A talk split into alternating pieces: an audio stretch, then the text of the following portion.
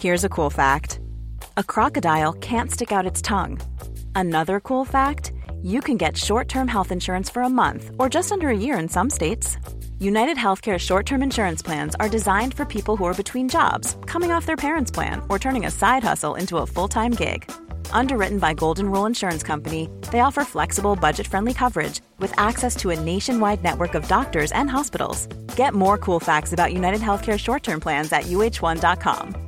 Hey, I'm Ryan Reynolds. At Mint Mobile, we like to do the opposite of what Big Wireless does. They charge you a lot, we charge you a little. So naturally, when they announced they'd be raising their prices due to inflation, we decided to deflate our prices due to not hating you. That's right. We're cutting the price of Mint Unlimited from $30 a month to just $15 a month. Give it a try at mintmobile.com slash switch. $45 upfront for three months plus taxes and fees. Promo for new customers for limited time. Unlimited more than 40 gigabytes per month. Slows. Full terms at mintmobile.com.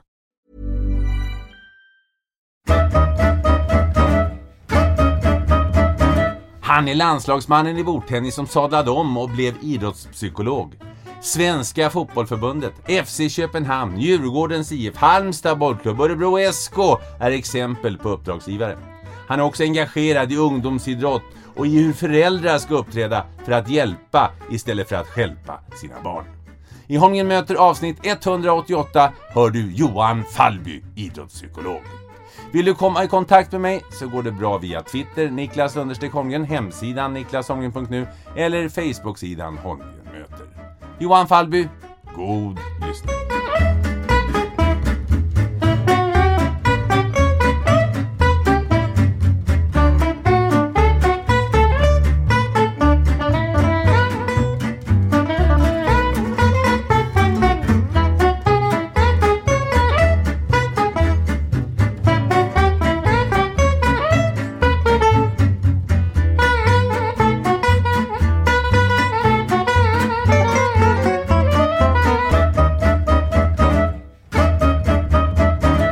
Podden presenteras utav Stryktipset, ett spel från Svenska Spel, Sport och Casino för dig över 18 år.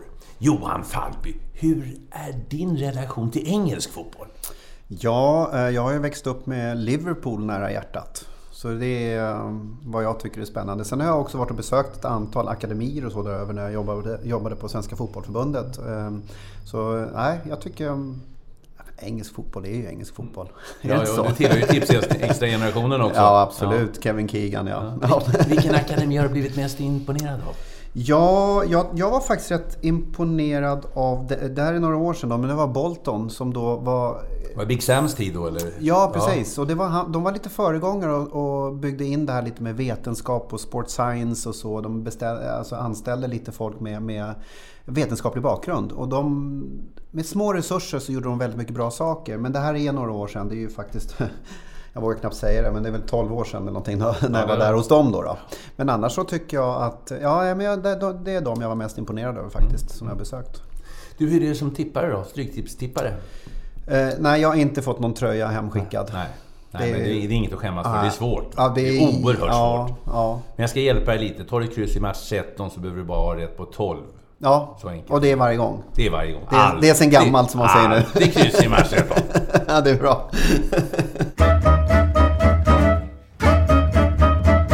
Johan Kellermalm Fallby, född den 18 augusti 1968 i Tyresö kommun utanför Stockholm. Tjenare Johan! Hej på det. Gammal eh, storlirare i bordtennis. Ja, eh, ja storlirare är svårt det att säga. Men... var- Var det EM och VM? Ja, det har jag gjort. Det har jag Ja, gjort. För mig som håller på med korvpingis är det en storlirare. Ja, då, jag är oerhört imponerad av sådana meriter förstår du. Ja, Det, var en fan, det var en fantastisk generation som var där. Det var någon kille, vad hette han? Oh, jag glömmer alltid namn. Waldner va? Ja, hette han inte det? Ja, han är ju tre år äldre än dig. Han Ja, är tre år. 65 Ja, precis, precis. Jörgen är 66. Ja. Ja. Lind, var han 65 också eller? Ja, 64 någonting så Ja. tror jag. Något år, något år äldre där tror jag Och. Äpplet, han är ju han är åldermannen. Åldermannen, Ja. 62 och sånt. sånt. Ja. Där någonstans. Men eh, ja, de var ju rätt hyfsade de där killarna. Ja. Allihopa du nämnde faktiskt. Det fanns några till, de här Thomas von Scheele och Peter Karlsson och några till som, som var riktigt, riktigt bra. Axelskada som, som stoppade din karriär. ja. Ja, det började med att jag fick en liten axelskada som gjorde att jag eh, fick ta en paus och då var jag med i landslaget när det hände. Och sen eh, under den pausen så, alltså det gick ju bra med den tidens mått mätt. Eh, men det var ju vila. Idag hade du ju sjukgymnasterna då, min fru är ju sjukgymnast. Så eh, hon hade nog sagt till mig att du måste träna mer istället. Så det var liksom annorlunda på den tiden. Och någon artros artros artroskopi heter det. Mm.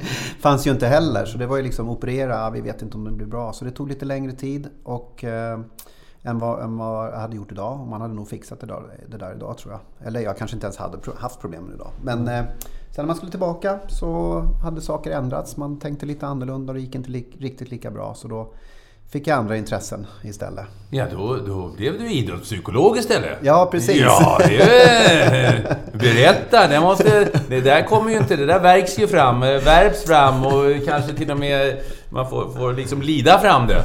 Ja. Är det inte psykologerna som är värst? Säger de det? Ja, Eller? Min mamma är psykolog och psykoterapeut, så ja. jag... jag, jag ja, du, du vet alltså? Jag vet. ja, nej men det där var ju... Jag, har ju, jag hade ju alltid haft intresse för eh, alltså, relationer och ja, psykologin då, även innan eller medan jag spelade så tyckte jag också det. Jag var ju ganska så arg på mig själv framförallt när jag spelade också. Så det, det kanske var en bidragande orsak till att man blev intresserad. Hur var det mot motståndarna då? Skällde du på dem också? Nej, alltså som jag minns det. Du skulle nog fråga. Vi pratade om Tickan här innan. Mm. Du kanske skulle ta och fråga Tickan. Ja. Vi hade några fighter kan jag säga. Ja. men, eh, men nej, jag, jag var faktiskt mest arg på mig själv faktiskt. Och det är väl min egen frustration som kom, på, som kom ut på det sättet att jag blev arg. Men jag upplever inte att jag liksom var arg så. Man hade ju någon sån här motståndare som man inte riktigt tyckte om att spela mot och så. Men det var, var nog mest att man vände det inåt och att man visar frustrationen utåt med något kastat rack kanske. Eller någon svordom kanske också i någon riktigt dålig dag. Det, är ingen bra, eh, min erfarenhet är att det är ingen bra sport att vara arg i, bordtennis. Nej, det är ju en fin motorisk ja, idrott. Så att Några smashar utanför hagen och ilska ja, och, sen ja. är det, och sen är det till elva nu bara också. Va? Ja. Så kan det vara ganska kört. Det kan vara kört då, ja, som det är nu. Uh, nej, nej, men det, det, stämmer nog. Det stämmer nog. Men jag tycker faktiskt att jag, jag växte upp i en fantastisk miljö. Jag tycker det här bordtennislandslaget är ju en av de bästa landslag alla kategorier som vi någonsin har haft. Eh, det var ju otroligt att få vara med en liten del av resan där. Och jag brukar säga, det är många som säger så här till mig, ja men fasiken, otur du hade som var just då. Nej, men jag hade nog tur som kom just då. För otrolig sparring och man fick ju lära sig mycket av de där riktigt duktiga då. Så att, eh, Nej, jag tyckte det var en, en otrolig resa, en spännande resa. Och jag tror det var ganska bra brytarna jag gjorde också. För att jag... Hur gammal var du då? Ja, vad, vad, vad, tusan. Nu börjar ju tiden gå. Eh, jag kan säga att jag, jag spelade min sista match där i slutet på 90-talet. Och då, alltså så 30, då hade jag spelat i Tyskland några år i, i andra divisionen i Tyskland. Och jag slutade väl satsa där med den här skadan där. Alltså 22, 23 någonstans där. Men du fick du vara med och se mm. när, när, vi rev den kinesiska muren på nära håll i Dortmund? Absolut. Ja. Jag var inte med på det VMet. Men det var ju de krokarna när jag var med i landslaget och nära landslaget. Så att det... Eh, jag var med och spelade New Delhi eh, där vi förlorade finalen då. Fick sitta på bänken på VM-finalen där, kineserna. Och sen Gio Wallner förlorade mot Yang Yeliang i finalen i en otrolig, en av de bästa matcher jag sett i bordtennis. Då han förlorade med 3-1 i, i, i, finalen i singelsen då. Men det var där det började. Sen 89 och 91 där och sen så, sen ja, det är ju historia resten. De, de rev ju den kinesiska muren. De gjorde det. Du spelade inte med nabb va? Jo! Nej! Nej! Jo. Appelgren har sagt till mig att det är, det är bara ett handikapp för oss som har nabben, men jag upplever inte så. Jag tycker det är jättejobbigt. Nej, men jag hade ju faktiskt det på backen. Jag hade det, under ett år hade jag också på forehand, så jag hade dubbel, dubbelsoft då, då på, under ett år. Men äpplet där, jag, jag, alltså med tanke på hur bra Äpplet var så, så han tyckte inte riktigt om att spela mot mig. Det får du fråga honom då ja, ett annat tillfälle. Ja, ja. Ska jag ta upp med honom? Han, jag lyckades slå jag, honom jag, några gånger, ett par gånger där. Men så jag tror inte han riktigt tyckte om att spela med, eh, mot, mot mig. Eller min spelstil ska jag säga då. Ja, vi, ja, Annars vi, var det ja, vi spelade för några månader sedan han och jag. Då mötte jag över Nab. Eh, då, och då sa han, nej men det, det, det, det, det är bara en nackdel för de som har nabben, det var, Jag får ta honom med det. ja, jag funderar faktiskt, jag har någon kompis här som, som jag har spelat med, eller som, jag, som har frågat om jag vill lira lite grann. Så jag, jag har sagt att jag ska åka in och köpa ett rack här nu. Jag har inte hållit i ett rack på några år. Men eh, se och ta upp det lite grann nu när man börjar komma upp i åldern. Och fotbollskarriären, eh, största höjdpunkt var när Glenn Strömberg gjorde tunnel på dig på Öland. Ja. Va? Hur vet sant? du det? Ja, Jag känner till saker. Glenn Strömberg, nej, jag åker ju med honom varje vecka. Ja, ja. Så jag vet att du har berättat det och därför fastnar det. Ja, ja. ja. ja, men det var ju på någon, eh, vad heter det, Victoriadagen där nere och då var det någon sån här kändismatch och jag har ju aldrig spelat fotboll så jag fick vara med tre minuter där inne. Pingislandslaget mot någon, någon kombination. Och där var ju Glenn eh, och eh, ja, jag var inne i tre minuter. Han slog ju en tunnel och, och, och sen så sprang han ifrån mig och så filmade han en straff där då efteråt. Precis som en känd tidigare Italienmatch. Ja, just det. Han gjorde mot Tjeckoslovakien i- på, på Råsunda Ja, det- också. ja, det var- just den, det, just det, Den har fått äta upp. Ja, ja. Men det här var bara det att han var ju fem meter ifrån mig när han gjorde det här. Så att, Men han fick straff va? jag kommer inte Nej. ihåg hur det var där. Men jag kommer ihåg att jag blev utbytt direkt Ja, efter. Det var, det var nog inte på allvar sådär. Nej, absolut inte. Det, det, var min, det var min fotbollskarriär där. De två, två och en halv, tre minuter på, på någon plan eh, på, på Öland. Vad var favoritämnet i skolan då, när du gick i, i, i Tyresö? Ja, gud, ja, vad var det? Men jag, eh, historia tycker jag, tror jag nog skulle komma högt på den listan. Så det, och det är jag fortfarande historieintresserad. Så äh, läs lite, någon bok ibland och tycker, ser lite historiska filmer och Vi, vilket, är det, är det borta, är det, är det romarriket eller är det, är det andra världskriget? Eller vilken, vilken del av Du historien? träffar ju rätt rätt på de där. De två? ja, ungefär. Någonstans där. Ja, men, eh, jo, men ja, kända, kända personer på olika sätt och vis. Jag är lite fascinerad av både, ja, och sen lite grann med det här religion, religionens inflytande på dagens samhälle. Och det är ju ganska aktuellt idag med alla, alla oroshärdar som, som finns i världen idag. Det är ju mycket religion och det är makt och pengar och sådana saker. Så ja, det blir ju krig och alla möjliga saker där som, som det hamnar i till slut. Hur var det att växa upp i Tyresö på vad blir det, 70 och 80-talet framförallt? Ja, ehm, jag, fly, vi, vi flyttade, jag, bodde, jag föddes i Tyresö så flyttade till Östbergahöjden under Ja. några år. Sen flyttade vi tillbaka när jag gick i trean har jag för mig att det var. Eh, nej men det var bra där ute. Tyresö Brevik, man åker förbi slottet och ut på en halvö som på den tiden var bara, det var ju i stort sett bara sommarhus där ute. Och så bodde vi där hel, helårs då, då. Det var några få till. Så där ute var det ju långa avstånd till kompisar och så vidare. Men man cyklade, man eh, träffades, eh, ja, åkte hem till varandra efteråt och höll på. Lekte väldigt mycket, väldigt mycket idrott. Vi spelade mycket minitennis och Eh, lite fotboll blev det när man, när man var lite flera. Men det var inte så mycket för vi bodde ju så långt ifrån varandra. Men ja, rörde på sig rätt mycket faktiskt. Och sen kom ju pingisintresset ganska tidigt också. Så att, eh, nej, en bra uppväxt måste jag säga. Två eh, idrotts idrottsintresserade föräldrar. Min pappa har ju spelat eh, hockey i Djurgården bland annat. Och, eh, min mamma höll på med gymnastik ända tills de började med de där jäkla bollarna som hon sa. Det tyckte inte hon var så kul. Alltså. men, eh, men att de hela tiden uppmuntrat så här aktivt, en aktiv livsstil och så. Så att, eh, ja, det var väl det jag höll på med. Jag, höll på, jag, jag tror inte jag satt stilla så jättemycket egentligen. Utan rörde på mig hela tiden. Du, eh, och sen så kom du in på ja, pingisen då, men sen efter det då, efter din axelskada, du kände att du inte riktigt kom tillbaka, så blev det idrottspsykologi. Du har läst det på, på universitetet. Ja. Eh, vad är det för skillnad på idrottspsykologi och vanlig bondpsykologi? Ja, men, eh, man kan väl säga att idrottspsykologin är ju en gren av den vanliga psykologin. Och när jag började läsa då var det ju väldigt mycket så mental träning, eh, det var lite unestål och band och sådana saker. Men eh, man kan väl säga slutet på 90-talet, början på 20-talet så började det ta fart och man närmar sig ju mer och mer eh, den, om man säger du sa bondpsykologin, jag kan väl säga den vanliga eller Ja. allmänna Ja, allmänpsykologin ja, ja. då kan man säga. Men så, så idrottspsykologin idag, det är ju en gren av, av psykologin i stort kan man säga. Och, det, och både forskning och om man säger tillämpningen, användningen av det är ju väldigt lik. Som till exempel, jag har ju en, en eh, utbildning också i KBT då, alltså kognitiv beteendeterapi. Och då jobbar man mer och mer med, med metoder som, som gränsar där. Så att ehm, Ja, det är, jag tycker inte att det är så mycket skillnad egentligen. Man utgår ju från grundläggande från samma teorier och, och så vidare. Men sen så försöker man ju då anpassa det till en ganska specifik miljö. Och då kan man ju säga att idrotts, eller elitidrotten är ju en ganska underlig värld. kan man säga. Det är en ganska sluten värld och det blir lite speciellt att leva i den på olika sätt och vis. Och då, så, så på så sätt så tror jag inte att det finns så många andra miljöer som, som har de utmaningarna som finns där. Men sen finns det andra utmaningar som är lika svåra i andra miljöer vill jag understryka. Det är inte så att det är jättemycket svårare bara för att man är i den miljön såklart. Men, men där är väl det som är specifikt med det. Hur, går forskningen till inom idrottspsykologin så att säga? För att föra framåt den... Eh, jag menar, det, det, det är svårt att vara konkret. Det går inte att mäta i centimeter sådär som... Menar, fysiken kan du ju mäta. Mm. Du, sprang, du sprang 10 sekunder förra veckan, du sprang på 9, bra jobbat va? Ja. Men det här är ju lite mera subtilt ja. på det sättet. Fluffigt skulle nog någon säga. Ja, ja, ja, men hur går då forskningen till? Alltså forskning är ju resultat man ja, testar. Ja, hur går den till? Nej, men man, man, det, är ju, det är ju som i all annan forskning. Man kanske har en grupp som man utsätter för någonting och så har man en kontrollgrupp som inte får den här behandlingen eller inte, får, inte utsätts för den här saken. Och så försöker man jämföra och se vad som händer där.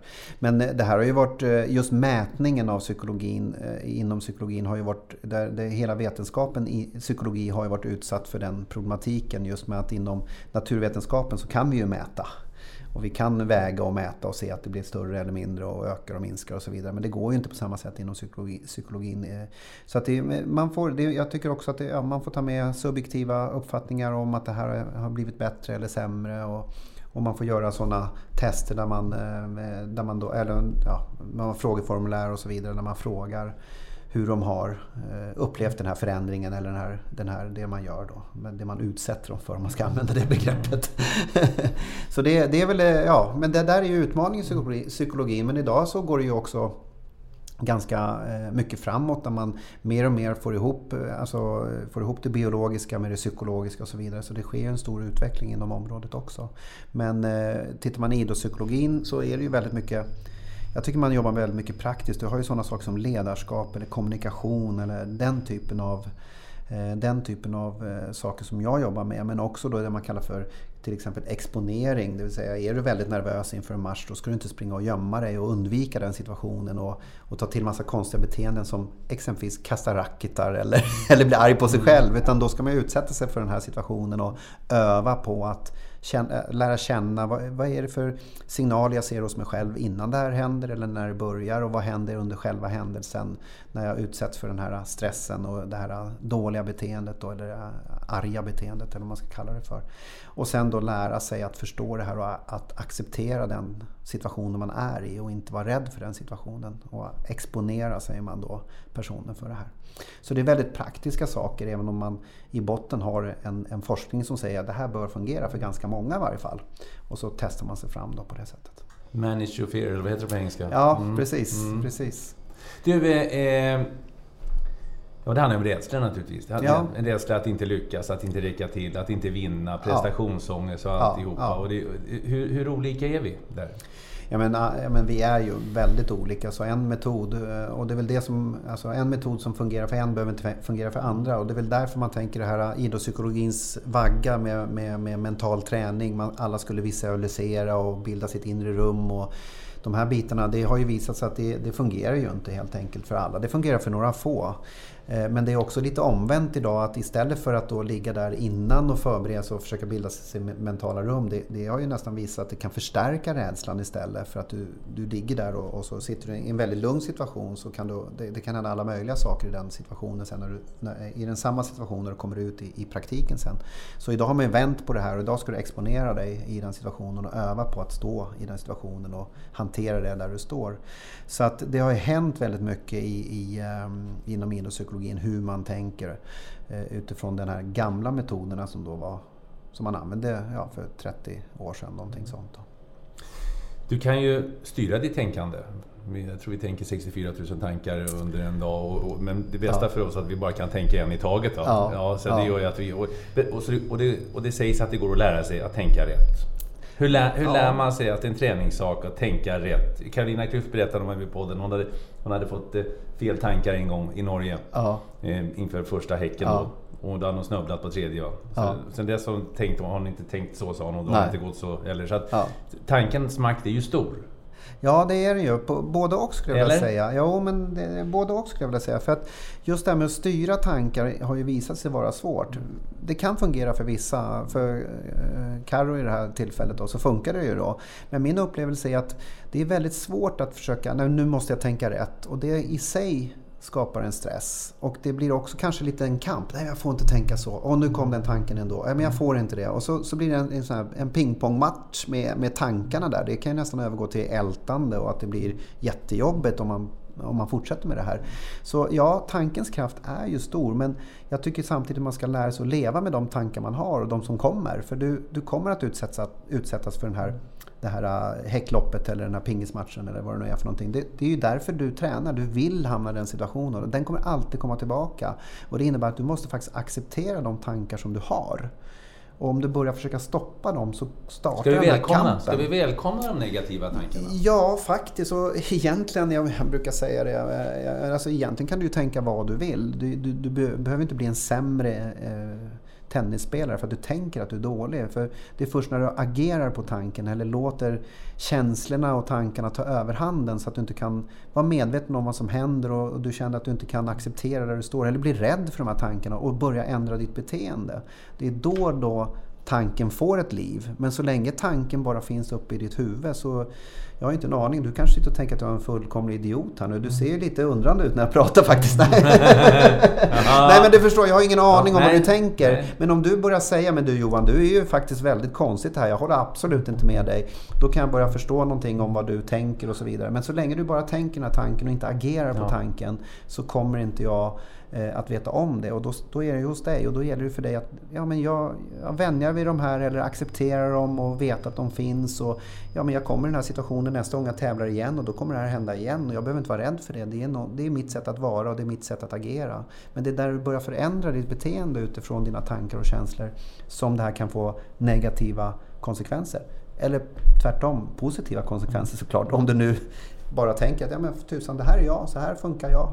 Och sen så accepterar du det och sen så kan du faktiskt vara, effektivisera ditt sätt att arbeta för att du inte är rädd för det här längre, den här situationen. Då.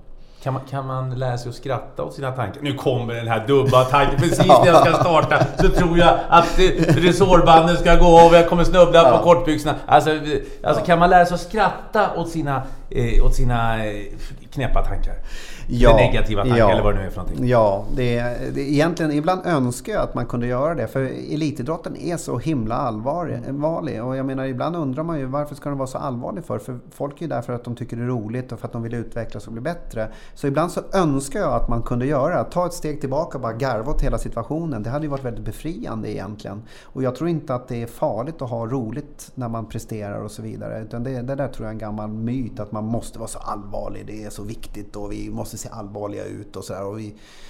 Eh, det tror jag är en myt. Eller en vana eller en kultur som har växt fram. Så att ja, Ska vi inte testa det okay, nästa ja, gång? Vi ja. går ner och bara garvar ja, när vi ska prestera. Ja, det är 10-10 skiljer. Ja. Det är roligt. Ja, det är roligt. Ja, det är inte det jag ska missa. Det kom den tanken igen. Ja, det kommer jag serva ut nu. Ja, precis.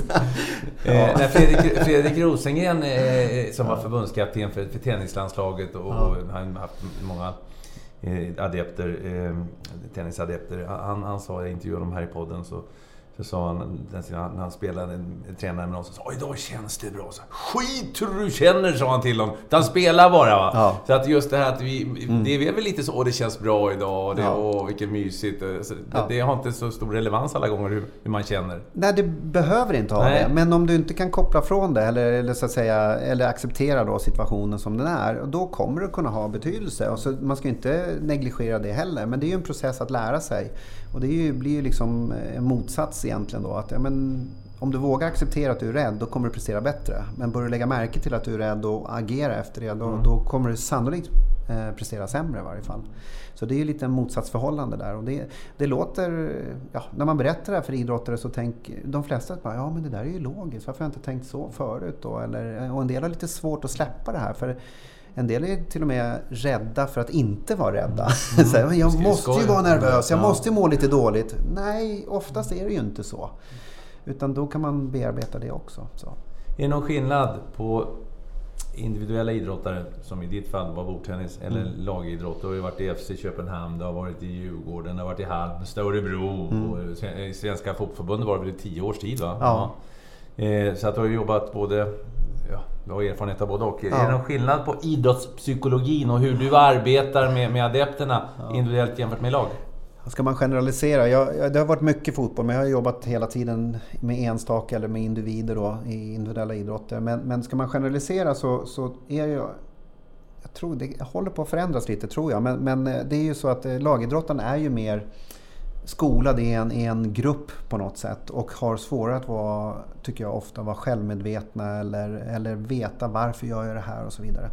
Undantaget är ju målvakter då såklart som har oftast en relation med sin målvaktstränare och då är de bara två, tre stycken och så är det en tränare. Men de som spelar ute på en, på en 11 eller en hockeyplan eller vad det är.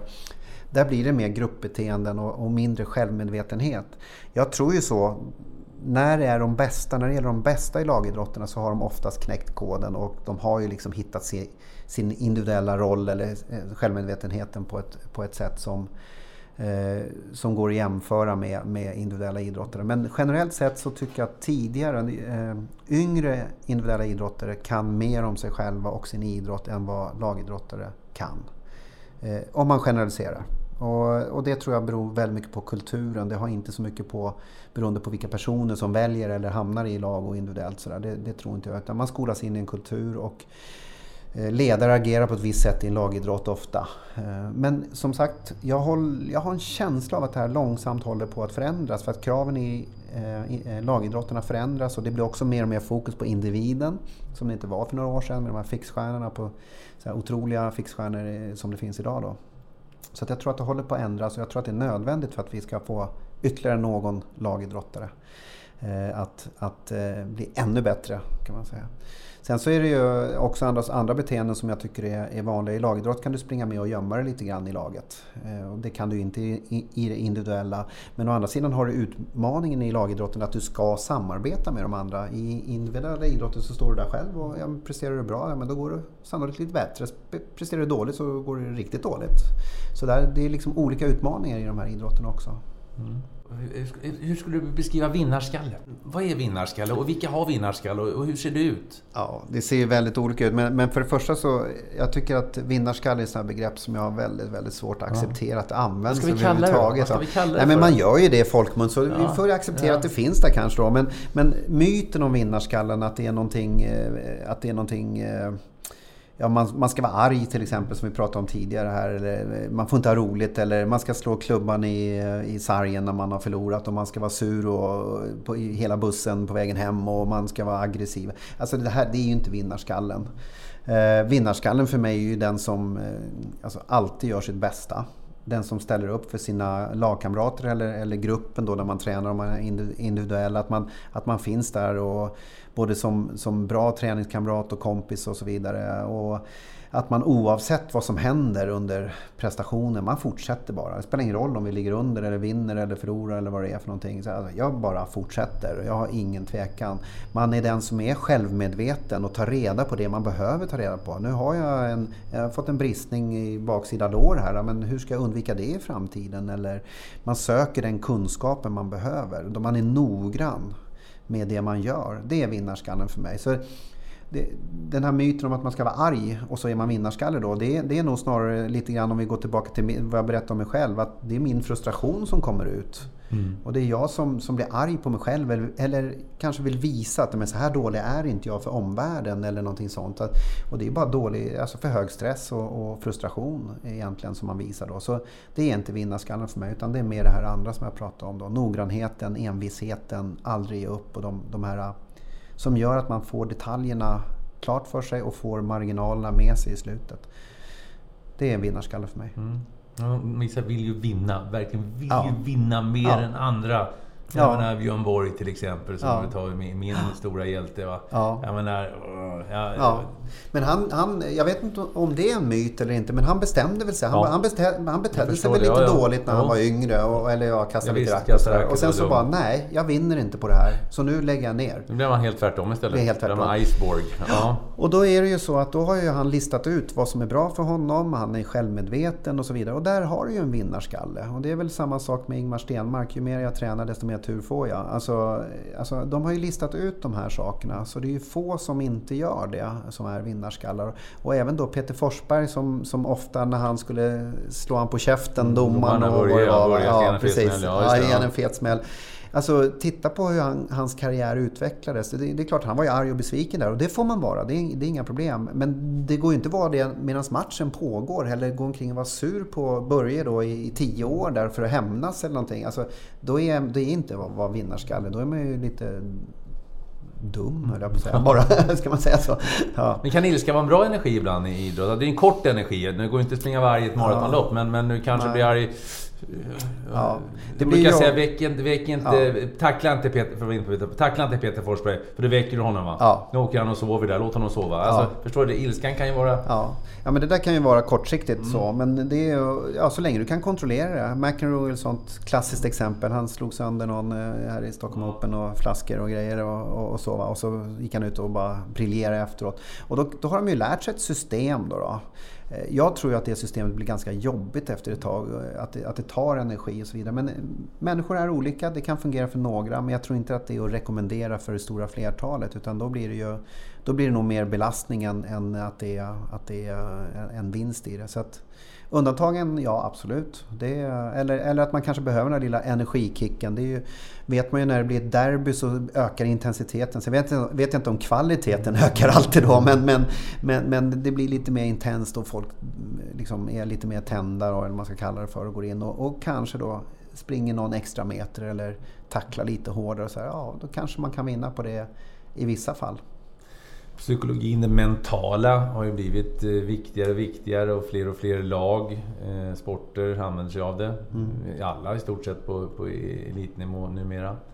Eh, hur, hur, hur är yrkes... Alltså hemligheter? Har ni yrkeshemligheter? Alltså, Johan Falby, han säger så där, titta på hans lirare vet du. Och, det, och den, din kollega Adam, han säger något, jag kommer på den där. Det där var en bra formulering. Jag ska, alltså, förstår du vad jag menar? Ungefär som en tränare håller ett brandtal. Du kommer ja. ihåg eh, eh, Herb Brooks inför, ja. inför eh, Salt Lake City. Eller inför Lake Placid, ja. finalen mot eh, Sovjetunionen. Han sa vi förlorar 99 gånger av 100, men idag är det den hundrade. Ja. Alltså, hur, hur mycket sådana där tal har för, för dina... Mm. Ja, men det är ju så här att... Vad kallar man för? Adepter? Vad säger man? spelare, spelare, idrottare. Sådär. Uh, jo, men det är klart att jag, jag har ju min hemliga formel och, och bara ni ringer till mig här nu. Uh, du, visst har ja. telefonnummer efteråt va? Så, så, det kostar ju naturligtvis jävligt mycket då. då men, men, men, du är bra va? Jag är jävligt bra. och jag har ju mina hemliga metoder. Det är som en stjärnadvokat va? Ja, ja, ja, lite bättre faktiskt. Ja, dubbel stjärnadvokat. Nej, men, men alltså jag tycker... Alltså har man läst psykologin och så vidare och man integrerar det. Alltså det finns inte så mycket hemligheter. Jag tycker snarare så att vi är ett gott gäng med, med duktiga idrottspsykologiska rådgivare i Sverige. Och vi ringer till varandra och frågar och hjälper varandra och, och, och så vidare. Och har en bra dialog för att utvecklas och, och så vidare. Det finns ingen dunderhonung att dela ut. Utan det, det är precis som vilka träningsmetoder som helst. Så, så att jag har inte, jag har inte någon dunderhårdning att dela ja, Men om du möter, säger vi nu Örebro ja, va? Ja. ja. Och det värsta Örebro vet nu är väl Norrköping va? Ja. Gnällbälts där. Ja. Ja, inte det en match i matchen mellan dig och, och psykologen i Norrköping? Ja, det, det måste det bli. Det måste ju gå. Du är gammal idrottare, det är klart. Vi ringer, jag ringer upp Daniel. Det är ju Daniel Ekvall ja, som är där. Och jag ringer upp Daniel eh, Efter dagen matchen innan. Efter vunnit eller innan? Nej, nej. Jag ringer upp innan så gör vi upp matchen. För det är ju bara vi som... Det är ju oss det hänger på. nej, nej, men det, det, är klart. Jag, är ju, jag gillar ju att vinna också. När man ja. jobbar i elitidrotten så är det ju det det går ut på. Det är ju underhållnings, underhållningsindustrin och så vidare. Så det är klart man vill göra det. Men jag känner inte att det är att det är så pass att jag ringer Daniel efteråt och hånar honom eller så. och det har ju varit svårt Kanske på slut. Nu, vet du, ja. Det har varit svårt nu när Norrköping har varit så bra också. Så, att det så jag håller mig lågt. Nej men det finns inga, det finns inga hemligheter. Vi, vi har ju våra sätt att jobba med och jag är lite bättre på vissa saker och, och någon annan är lite bättre på några andra saker. Vad är din styrka då som idrottspsykolog? Man kan säga så. Man kan ju säga till en fotbollsspelare att han är snabb, stark eller vad det nu är. Va? Vad är ja. din styrka som idrottspsykolog? Oj, det var en bra fråga faktiskt. Jag vet inte. Nej, men, eh, lika, lika hetsig som jag var när jag spelade själv, så lika lugn är jag nog nu. Så jag, jag är nog ganska bra på att, att analysera och, och liksom sätta fingret på punkter då vad det gäller beteenden under match till exempel. Eller om det är någonting i en gruppdynamik sådär. Så, så tror jag att jag är ganska duktig på den analysfasen. Och sen så är jag otroligt intresserad av människor. Jag tycker om att sitta och lyssna på eh, både positiva och, och jobbiga saker som man stöter på spelarna eh, eller, eller, eller idrottarna eller vad heter det, eh, tränarna man, man jobbar med. Så att jag är väldigt intresserad av att av människor helt enkelt i den, i den situationen där, bland elitidrottare och föräldrar, idrottsföräldrar som jag också jobbar med och så vidare. Så, att, så där tror jag nog är lite av styrkorna, ehm, tänker jag. Får fråga någon annan där också. Ja, ja, jo, Mycket men- frågor på den här, till andra. Nej. Ja, ja, det, det, det, det, Ja, du, ja. du har säkert en uppfattning om dig själv också som alla andra. Ja, Eh, det är svårt bara. Ja, ja, det är självanalysen. Men, ja, det, ja. själv- Självrannsakan Ja. det är, inte, det alltid helt lätt. Men Nej. du, eh, samarbetet med, med, med, med tränaren. Ja. Alltså, du, du har haft eh, Ståle Solbacken till exempel. Har du jobbat med under, under några år. Vi pratade lite om det innan. Alltså, hur funkar det? Säger Ståle, den här killen verkar inte, han verkar inte... Kan du kolla om hans tjej eh, har gjort slut? Alltså, Mm. hur, hur går snacket?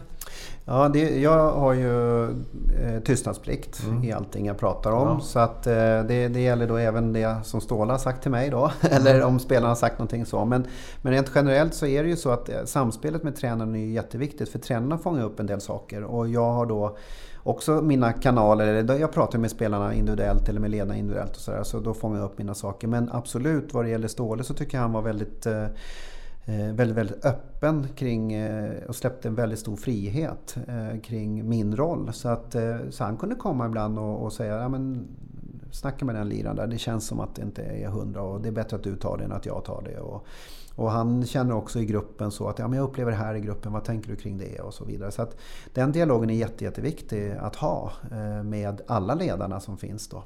Och samtidigt tycker jag också det är viktigt för mig att, att fånga upp signaler i gruppen om vad, hur funkar det med ledarteamet och är, vad är deras styrkor och svagheter och, och, som vi kan jobba med eller påverka. Eller, så att man möts någonstans. Så att vara en kommunikationskärl däremellan spelare och tränare och så vidare. Det är väl det som är en av de stora fördelarna med att ha en idrottspsykologisk rådgivare i ett lag. Då, för att i och med att jag har tystnadsplikt och är väldigt eh, noga med det så, så brukar jag ska, kunna skaffa ett ganska bra förtroende hos spelarna. Och då kanske det kommer fram någon extra grej som kunde ha blivit ett problem men som man kan undvika på grund av att man öppnar upp dialogen på ett klokt sätt. Hur mycket tid bör du tillbringa till exempel med ett fotbollslag Örebro i det här fallet eh, Mm. för att det liksom ska kännas naturligt och bra? För du ska ju vara, du ska ju vara en i gänget ju också. Ja, jag tycker det är viktigt att man inte kommer ner på träningen och så frågar fem spelare vad är det där för en tjomme som står nere vid hörnflaggan där nere? Så, utan, nej, så det är viktigt att man skapar en relation både till spelare och, och ledare. Beroende på uppdraget. Jobbar du bara med ledarna så kan det ju bara räcka med att träffa dem också beroende på hur uppdraget ser ut. Men, men att man blir en del där, det, det tror jag är jätte, jätteviktigt för att få, ja, skapa relationer och förtroende såklart. Och då kan man också, ja, då, då, då får ju också de tips och tankar eller idéer som man kommer med också större trovärdighet eller också ja, större effekt att folk lyssnar på en. Så att det är, just det är extremt viktigt att man finns på plats där. Sen kan det vara lite beroende på uppdrag hur mycket eller hur lite det där är då. Men för mig är det ju oftast inte viktigast att sitta där i omklädningsrum innan matchen utan det här är ju mer långsiktiga processer. Sen så kanske uppdraget ger att okay, men vi ska jobba med processer som är i uppladdning laddning inför match eller vad det nu är för inte. Och, och då kanske det blir viktigare att sitta med där också. Då. Men, men det är inte alltid det är så. Utan jag tycker att en idrottspsykologs eh, uppgift är ju att jobba med de långsiktiga processerna och få in arbetssätt som fungerar även när man inte är på plats. Det sägs idag, eh, och du som har varit med under rätt många år nu Johan, att det har blivit mer eh, individualiserat. Förut var det mer vi laget, vi ska göra det ihop. Idag är det mera jaget. Mm. Märker du det som psykolog också? Att det, att man kanske, rent generellt, det är ju inte, Mm. vi kan bara prata generellt. Men ändå, man, trenden, hur ser den ut? Mm. Det är- Det är svårt det här med trender, man sitter mitt i det. Men, men eh, i media är det utan tvekan så. Man är sitt eget varumärke mycket tydligare idag än vad det var för ett antal år sedan. Så det är det. Och en annan sak som driver på den här processen det är att det är så stora pengar och att det finns agenter och intressenter runt de här spelarna som gör att man driver på det här. Men sen samtidigt upplever jag att de här killarna, då, jag har jobbat mest med killar men även det är ett tag sedan jag jobbade med damlandslag och så nu. Men, men med de här killarna som jag mest är i eh, kontakt med då är ju att eh, det är vanliga killar som, som du och jag. De är otroligt trevliga nästan allihopa, precis som de flesta människor är väldigt trevliga. Och, eh, oftast väldigt ödmjuka och måna om att, att göra rätt för sig faktiskt. Sen är systemet och fotbollen då är ju ganska krass och, eh, och kommersialiserad. Och det gör att det blir konstiga situationer egentligen då där man hamnar i kontraktsbråk eller man ska säljas och man blir utfryst och alla möjliga sådana saker. Som, som jag tror i många fall kan kan undvikas. Och nu har inte jag jobbat i de här superstora klubbarna. Där tänker jag mig att där är en sån genomströmning, de har så enorma pengar, de byter ju bara ut spelare. Men jag tror ju att en ledare jag, tror, jag, tror jag, jag, är så naiv så jag tror att det funkar ungefär likadant där. Jag menar, även de här storstjärnorna är ju vanliga grabbar som gillar att spela fotboll från början. Sen är de eh, våldsamt överbetalda nu för tiden. Men jag har väldigt mycket pengar och stjärnstart och sådana saker. Men när man kommer ner och pratar om deras prestation och, och om deras liv och sådana saker som, är, som berör dem så är de till slut ändå om man, om man får en bra kontakt med de vanliga grabbar. Och jag har jobbat, inte med de allra största stjärnorna kanske då, men med, med en, en hel del duktiga spelare. Och de är, det är bra personer oftast, måste jag säga. Och, det, och, när man sitter med dem som du och jag sitter här nu så får man ofta en bra relation och de är måna om att faktiskt göra rätt för sig också. Sen är det en, en väldigt kommersialiserad och väldigt knepig värld. Så det blir blindskär och det blir misstag och det blir pengar som går före och, ja, och sådana saker. Mm. Prestige och sådana saker också säkert. Och sen finns det ju de som ja, har tappat fotfästet så, såklart. Mm. Men jag är så naiv i det fallet också så jag tror att om, om de skulle träffa rätt personer så skulle de hitta tillbaka också. Vad säger du om en sån som Cristiano Ronaldo? Hela världen vet om vad han är anklagad för. Eh, han byter klubb, går från Real till Juventus. Det är en enormt tryck på honom. Han blir dömd för skattebrott och han har våldtäktsanklagelsen eh, hängande över sig. Mm. Och han bara presterar. Mm. Och presterar. Och presterar. Gör mm. hattrick här mm. förleden. Hattrick senast, ja precis. Ja, det är ju, ja, det är ju om man säger då imponerande. Och, men det, det här är också det är så spännande med olika människor. Nu, här, nu snackar vi toppen av toppen. Eh, och till och med toppen av det. Men eh, jag har ingen aning, jag känner ju inte honom såklart. Men det, det, kan ju vara att det här är hans lufthål fortfarande. Att fotbollen är hans passion i livet och han har ju alltid, och det, det, man kan säga vad man vill om, om, om de här händelserna. Men han är en otrolig idrottsman och ett föredöme vad jag förstår med noggrannhet och det här vi pratade om förut. Och det, det kanske har blivit hans andningshål att, att ja, men när jag går innanför kritan då är, det, då, då, är det här, det här är mitt ställe, här känner jag mig trygg och så vidare. Och det kan då balansera upp för de andra tråkiga händelserna som, som, eh, som han har eh, utsatts för eller, eller, eller utsatt andra för då eh, i så fall. Så att, människor är olika. Många skulle säkert gå under där och, och en del då, eller ja, de stärks av det beroende på vad de har för erfarenheter och hur det ser ut runt om, om, omkring dem. Då. Eh, Men en fantastisk prestation, det ja, är bara att konstatera. Ja. Du, du, har också sagt att, att Zlatans sätt att vara eh, kan bli ett problem för, för, för, barn, har du sagt. Vad menar du då? Ja, ja.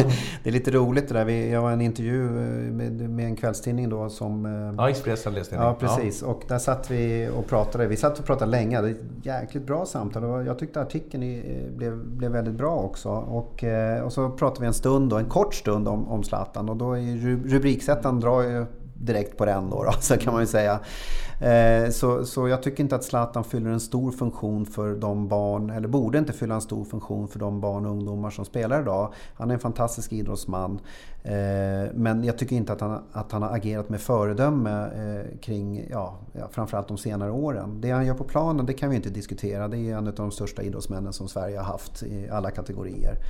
Eh, vi kan diskutera vem som är störst sen, men, men, men, han, är bland, han är ju där uppe någonstans. Så det är fantastiskt. Men, men att agera på det sättet och med den, jag tycker som om man ska dra lite så här, ja, med den arrogans och, och den... Eh, alltså det sänder fel signaler. För det, som jag sa tidigare, så, så fina och, och bra människor som man har träffat inom fotbollen, toppspelare det, det, då behöver man inte bete sig på det sättet. Och nu vill jag understryka, jag känner inte honom personligen eller så. Jag, jag har hälsat på honom en gång, det kommer nog inte han ens ihåg. Men, men, eh, men grejen är det att det är så onödigt. För, för att det, det, han sänder signaler till ett, en generation av spelare som tror att man måste vara så. Inte alla, men en del tror ju det. Och, och, och det, det, blir inte bra i slutändan. Och jag tror ju att han är en klok människa så att eh, jag, jag tror jag sa det i vår egen lilla podd här att eh, vänta bara så kommer han nog dyka upp i några mer andra bättre sammanhang framöver här för han är ju en businessman också. Så han borde ju och hans PR-firmor som ligger runt honom där borde ju förstå att de har mer att vinna. Den här kaxigheten och den här glimten i ögat som man ofta har den är ju fantastisk när, när den är inom kontroll. Men när den då spinner iväg sådär då, då bör han nog byta rådgivare eller Ja, för att vara en bra förebild i varje fall. Eller, eller göra någonting annat. Så för förebilder är viktiga. Det vet jag att du, ja, du har tagit upp. Ja, förebilder är viktiga och eh, jag gillar inte andra som ligger omkring och rullar ett helt VM eller, eller beter sig illa på andra sätt heller. Eh, men i, i slutändan så är det kanske inte de som är de viktigaste. Utan när, när du har en, en dotter eller son som spelar fotboll. Då kanske den här som är två, tre år äldre och duktig eller en bra kompis eller vad det är för någonting i, i klubben kanske viktigare än när de är små. För att de här, det andra, de är ju liksom ute i galaxen någonstans och far de här superstjärnorna och det är väldigt långt borta och det, det kan väl kanske motivera lite grann så under en period. Men eh, när det kommer ner och, och, och, du får se om du har en nioåring och så, så ser du en 11 eller 12-åring som gör värsta snurrfinten eller gör något häftigt där nere på planen. Och den modellen, rollmodellen eller den förebilden är sannolikt viktigare för att liksom skapa det här genuina intresset och kanske den här utvecklingen också. Mm. Hur mycket pratar man, hur mycket pratar man i lagen? Alltså du har ju varit i lag där, där flera spelare är, är förebilder för, för ja, det, i alla lag. Mm. Alla, de är förebilder, idoler för, för, mm. för många. Hur mycket pratar man om, om sättet att, att vara som, som förebild? Jag tycker att eh, jag tycker man, ja, i FCK är väl där, jag tycker man gör ett, alltså ett naturligt arbete skulle jag vilja säga. Jag tycker man, eh, man eh, Egentligen säger man i FCK till spelarna att du, du, du får säga precis vad du vill. Men du ska vara ärlig och du ska inte ge dig på någon annan egentligen. Och det är väl ganska sunda. Det är inte så mycket mer riktlinjer de får. Och sen så tycker jag man har en sund grupp som trivs tillsammans så behöver det inte bli det här att man kastar skit på andra runt omkring. Utan man pratar om sig själv och man pratar om vad, vad man själv vill göra och vad vi tycker och så vidare. Eh, och på så sätt så blir man ju en bra förebild för det, man tjänar inte på att byta kaxigheter i media. Det är väldigt sällan man vinner någonting på det. Sådär. Så att, eh, ja, på ett sätt så pratar man väldigt lite om det men man är väldigt tydlig på hur man bör göra. Och det är inte så att du måste göra det här men det blir ju en kultur i klubben sen när man har jobbat så ett, ett tag tycker jag. Så att, eh, det är väl det bästa exemplet jag har när man, eh, när man är ja, stjärnor. Det är både danska och svenska landslagsspelare och så vidare som har, som har varit i den klubben. Och där tycker jag man är goda förebilder och har en, en ödmjuk framtoning. Och det tycker jag också avspeglade sig i omklädningsrummet. Att det var lätt att gå in i det omklädningsrummet. Man tänker att FCK nu, nu gör jag MFF-fansen arga då, men FCK, Skandinaviens bästa herrklubb. Mm. att det är svårt att kliva in i det omklädningsrummet? Nej, men det tycker inte jag att det var. För att den här ödmjukheten som man då försöker bland spelarna då eh, visa omvärlden, den, den fanns där. Sen har klubben en kaxig attityd, att, att vi är bäst och så här, lite arroganta så. Men det är mer ett, ett spel för media, ett spel kanske lite med sponsorer och så vidare. Men man gör det på ett, ett ändå, tycker jag, ett okej okay sätt. Och där har man ju en kaxig eh, eh, manager också i Ståle Solbacken som är ett medialt... Eh, medialt oh, vad, heter, vad säger man? Ett, han, han, han, slänger one-liners ja. på ett väldigt bra sätt tycker jag. Du, här kommer en, en, en samhällsfråga. Är det skillnad att vara idrottspsykolog för, för tjejer jämfört med killar? Alltså på elitnivån så är det inte så större skillnad. Eller på elitnivån ska jag ja, Nej, men alltså, nej, det är ingen större skillnad. Tycker jag. Eh, utan tjejerna är lika ambitiösa som killarna. Eh, de uttrycker det bara på olika sätt. Om man säger på gruppnivå så kanske killarna har lite knepigare att, att snacka om sig själv och sådär. Men det går ganska snabbt. När man lär känna dem så, så tycker jag oftast att man kommer ganska bra in på dem och kan prata med dem på ett bra sätt också. De är bara inte lika vana utåt sett. Är tjejerna bättre på det? Tjejerna är lite, tycker jag, sätta ord på, på sina känslor och sådana saker. Men det, som jag säger, det här är ju bara, det är bara könsroller. Det är inte att det är skillnader mellan killar och tjejer tycker jag. Då. Jag upplever som att de är ungefär lika, lika ambitiösa och lika så. Men de här myterna säger ju lite grann som att eh, ja, tjejerna de de har inga vinnarskallar om vi pratade om det tidigare. Eller de är inte på samma sätt. Då. Så det där är en liten liten skev bild tycker jag. Det är ingen skillnad. Jag menar om du tittar på eh, Kalla eller, eller en, eh, en manlig idrottare. Jag menar det är ingen skillnad på de här. Det, sen är de, jag menar det är större skillnad mellan två killar kanske än vad det är mellan tjejer och killar om man eh, tänker så. Så att, nej, ingen större skillnad. Sen så ibland uttrycker ju tränare så här, det är jobbigt att träna tjejer för att de ställer så mycket frågor. Men det här är inte könsskillnader, det är könsroller vi pratar om. Och jag brukar säga då istället att ja, men, tusan om du tycker att det är jobbigt med tjejerna att de ställer frågor, det visar att de bryr sig. Uppmana killarna att göra samma sak så blir du en bättre tränare och eh, killarna blir bättre för att de börjar resonera och blir mer självmedvetna och liksom öppnar upp och, och, och så vidare. Så att, ja, ungefär så. Du, blir du arg på, på eh, spelarna? Jag menar, eh, vi måste ju alla behandlas eh, olika. Jag vet när jag gjorde lumpen, jag gjorde det som jägare. Jag, jag tyckte bäst om de, de befälen som röt lite på mig. Det blev mm. det, så det visste jag vad det, alltså, vad det handlade om. Ja. Det var bara att göra, det var inte så ja. mycket att snacka och ifrågasätta. Det blir så att, sluta larva nu, gå ut och spela. Ja. Alltså, förstår jag? Menar, alltså, är det alltid det här, oj, ja, men det, det tänk så här att, ja. det, tänk på att det är solsken, att bollen... Alltså, förstår du vad jag menar? Ja. Jag har inte lust att säga, skärp dig nu! Va? Jag, är nog, jag, vet, jag tror inte jag är så som person, men det är klart jag kan säga det fast på ett annat sätt. Då, då. Men eh, för ibland, ibland måste man ju bara gå ut och ta det. Och speciellt på elitnivån eh, där det, det är professionella, eh, betalda spelare och vuxna som fattar beslut. Så länge det inte är något medicinskt farligt eller så vidare så, så det är klart att det är så att man får säga till ibland att det här, det här är bara att gå ut och göra så, så tar vi det efteråt. Eh, sen säger jag nog kanske inte som du gjorde där. men det är nog mer personlighet. Eller lite jag vill bara få fram det. jag vet. ja, nej, men det är klart att det, det, är, klart att det är så. Att, eh, att, det, att det händer. Eh, ja. Du, när känner man... Eller när känner du att du är färdig med den här gruppen? Nej, nu, det kommer ju nya spelare hela tiden så mm. finns ju att göra. Men på någonstans så kan man ju känna att... Eller när känner ni att klubben och du att nu är vi färdiga? Mm. Eh, jag har ju varit som längst då tre år i, FCK och eh, hade kunnat stanna kvar där ett, ja, några år till. Vi valde att flytta hem av familjeskäl, vi skulle ha barn och, och lite sådana saker. Så, att, eh, ehm, så det är svårt att säga. Fotbollen är ju väldigt speciell just för att det är sån genomströmning. Alltså det, det var inte samma lag när jag kom dit som när jag åkte därifrån och det är bara tre år då. Nu, nu har de dessutom, när jag varit borta ett år, så, så ser man ju att det är massa nya spelare. Varje eh, fönster så är det nya spelare. Så där kan man nog vara eh, ganska länge.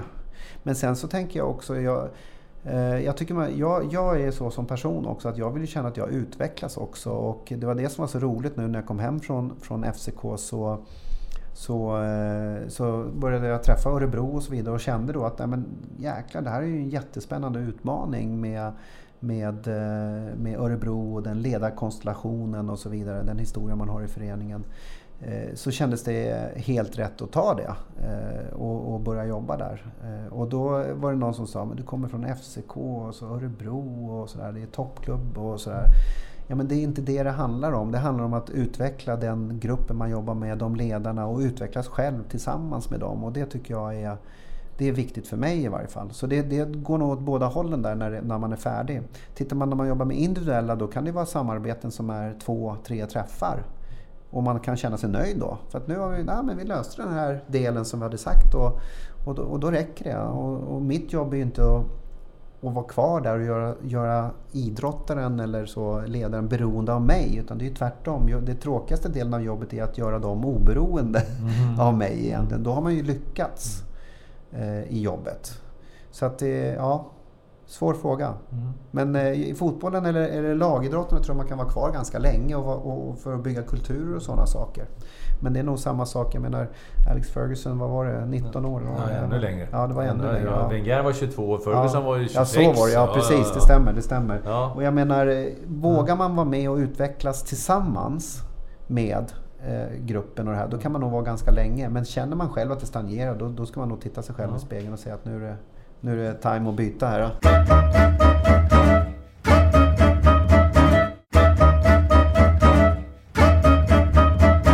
Jag vet ett annat ämne som, som, som eh, ligger dig varmt om hjärtat. Det är ju det, är ju det här med eh, föräldraskapet inom idrotten. Mm. Ja.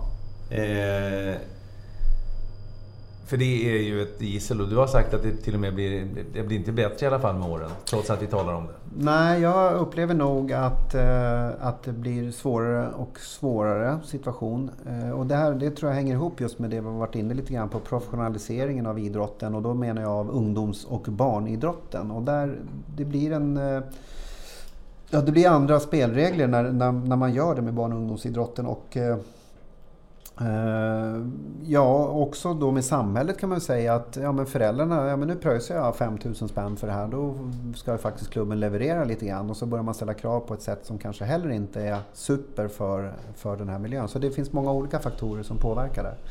Mm. mm. Men eh, eh, du har till exempel sagt att eh, Stockholmsföräldrarna, de är värst i Norden. Har jag sagt det? Ja, det har du sagt! det måste varit inom lyckta dörrar. Det var när du var i Örebro. Ja.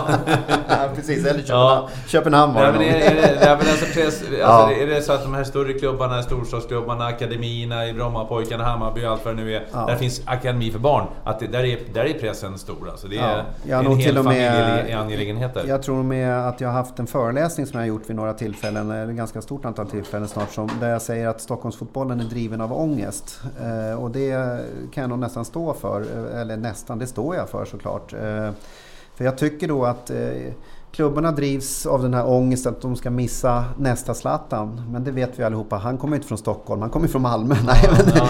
nej, men alltså det är ju, man missar nästa storstjärna. Och, och, och sen har du de här tränarna, så här hybris-tränare eller vad man ska kalla det för, som ska förverkliga sig själv och göra karriär. Och de drömmer kanske om att bli tränare i något A-lag någonstans. Men då ska de vinna eh, kortsiktiga segrar med barn och, och ungdomar. Och, eh, Och sen har du då föräldrarna och, och föräldrarna är en jätteviktig drivfaktor i det här. De skapar ju ett behov eh, eller ett, en efterfrågan hos föreningarna till extra träningar och specialträningar och akademier där de bästa ska samlas och så vidare. Och så, så den ångesten finns ju där också. Och sen har vi då barnen mitt i det här som Ja, de skolas ju in i den här miljön och de tror att det ska vara så här. Och, och det brukar ofta stå eh, i, på forum och sådär, jag läser inte det jätteofta, men forum på sociala medier så står det ja, men fråga barnen, de vill ju ha akademier. Ja, men tack. Ja, men ska, barn, ska barn tävla överhuvudtaget? Jag tycker inte att det är några problem om barn tävlar. Det som är problemet är när, när vuxna lägger in sina tävlingsmoment i det. Det vill säga ja, den här debatten som har varit kring, kring eh, tabeller och sådana saker. Eller, eller när, när, där både föräldrar och vuxna eller vuxna tränare eh, förstärker det här vinsten eller förlusten på ett konstigt sätt efteråt. För det, barnen är inte så intresserade av det där. Det, de tycker det är kul att vinna och de kan vara lite ledsna när de förlorar och så vidare. Men sen så betydelsen av det försvinner ganska fort och sen går de in i nästa del för barn lever här och nu. Men då är ju vi väldigt duktiga, vi vuxna, vi, för vi ska ju förstärka saker och så, va? och så tabeller och serier över hela säsonger och så vidare. Och då, då kan det börja bli knepigare. Så att tävla är ju i sig inte farligt för de som vill det. Och de som inte vill det, det är inte farligt heller. För om de är intresserade av idrott så kommer de nyfikenheten att komma och den kanske kommer när de är 10 eller 12. Alltså det, kan, det, det är ingen brådska. Att lära sig tävla är ju bara en myt. För den som vill vara kvar i idrotten kommer att lära sig det om de vill vara kvar. Eller vill ge sig in i den här, eh, ja, den här elitleken någonstans i framtiden. Så, att, så att det, är inget, det är ingenting konstigt med det. Alltså det är underbart med serietabeller ju. Det tyckte jag när jag var liten. När jag tittade i min, min lilla kvartersklubb där var vi Mm. var, var, låg. Det var, Santeringscupen stod ju i Expressen, var serien en gång i veckan. Det fanns Ja. inte data på det. Det var ju det bästa som Ja. vi visste för att titta på när den kom ut. Nu, nu skickar de ju runt dem på WhatsApp eller Ja, ja, Messenger ja, eller någonting och har Ja, sina ja, grupper ja, och sådär grejer. ja. Så de har ju sina tabeller ändå, de som behöver det. Men, men det här är inte nödvändigt för att barnen ska tycka att idrotten är roligare. Men det är heller inte farligt om man, om man spelar en match eller eh, ja, sådär. Det, det är inga konstigheter med det heller. Men det är när man gör det för stort eh, som man bör, börjar fundera. Och när man då börjar eh, starta åttaåringsakademier och, och ska vinna pokaler och, och man ska specialträna och allt möjligt sådär. Det, det, det finns liksom ingen större vinst i det. det. Vi får inte fram fler duktiga fotbollsspelare på det sättet utan snarare tvärtom. Och det är det som är tråkigt och det är det jag menar med det här att man drivs av någon slags ångest inom Stockholmsfotbollen, eh, tyvärr. Sen ska jag säga, även om jag sitter här och är kritisk, det måste vi alltid komma ihåg. Det finns fantastiska, eh, jätteduktiga tränare och föreningar och så vidare i Stockholm också. Men det är för många som driver på den här eh, negativa utvecklingen.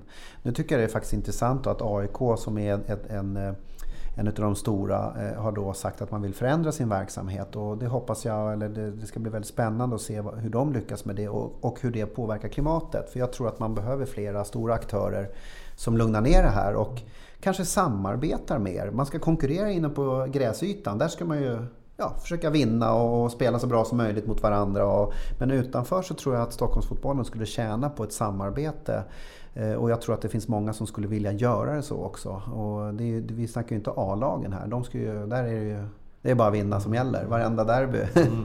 Ja, så det- det, det, det tror jag hela Stockholmsfotbollen skulle tjäna på. Och inte bara fotbollen, utan jag tror att inom flera idrotter att man skulle eh, skulle, ja, Stockholm skulle vinna på det. Och sen måste jag alltid säga det när man kommer in på Stockholm och idrott politikerna måste ta sitt ansvar över att faktiskt ge tillfälle för barn att röra på sig. För det är faktiskt, eh, jag reser runt i hela landet och och ser hur det ser ut. Och då är ju Stockholm en total katastrof och det får nog alla partier ta på sig. Och jag tycker att det är en, eh, ja, det är, jag skulle faktiskt vilja säga en skandal att man inte ger tillfälle för fler barn att få en bra och rolig upplevelse av idrott. På grund av att eh, deras beslut helt enkelt. För det är de som sitter, sitter till slut på pengarna och, och fördelar pengarna på något sätt. Så där måste man hitta en lösning och det är ganska snabbt. Det är en stor del av Sveriges befolkning som ja, utsätts för, för det här ja, usla förhållanden helt enkelt. Ja, titta. Mm. Ishockeyn är väl den mest eh, ja, nu är ju, tydliga exemplet. Ja, ja, Var det en, en halv på hundratusen ja, nu va? Det är ju, alltså, jag, alltså, jag, jag kan inte förstå hur man kommer undan med det när man sitter i en, i, i en ansvarig position. Då pekar man ju alltid bakåt. Ja, men förra, de gjorde och så pekar man på varandra och sen så går man vidare i livet och gör någonting annat.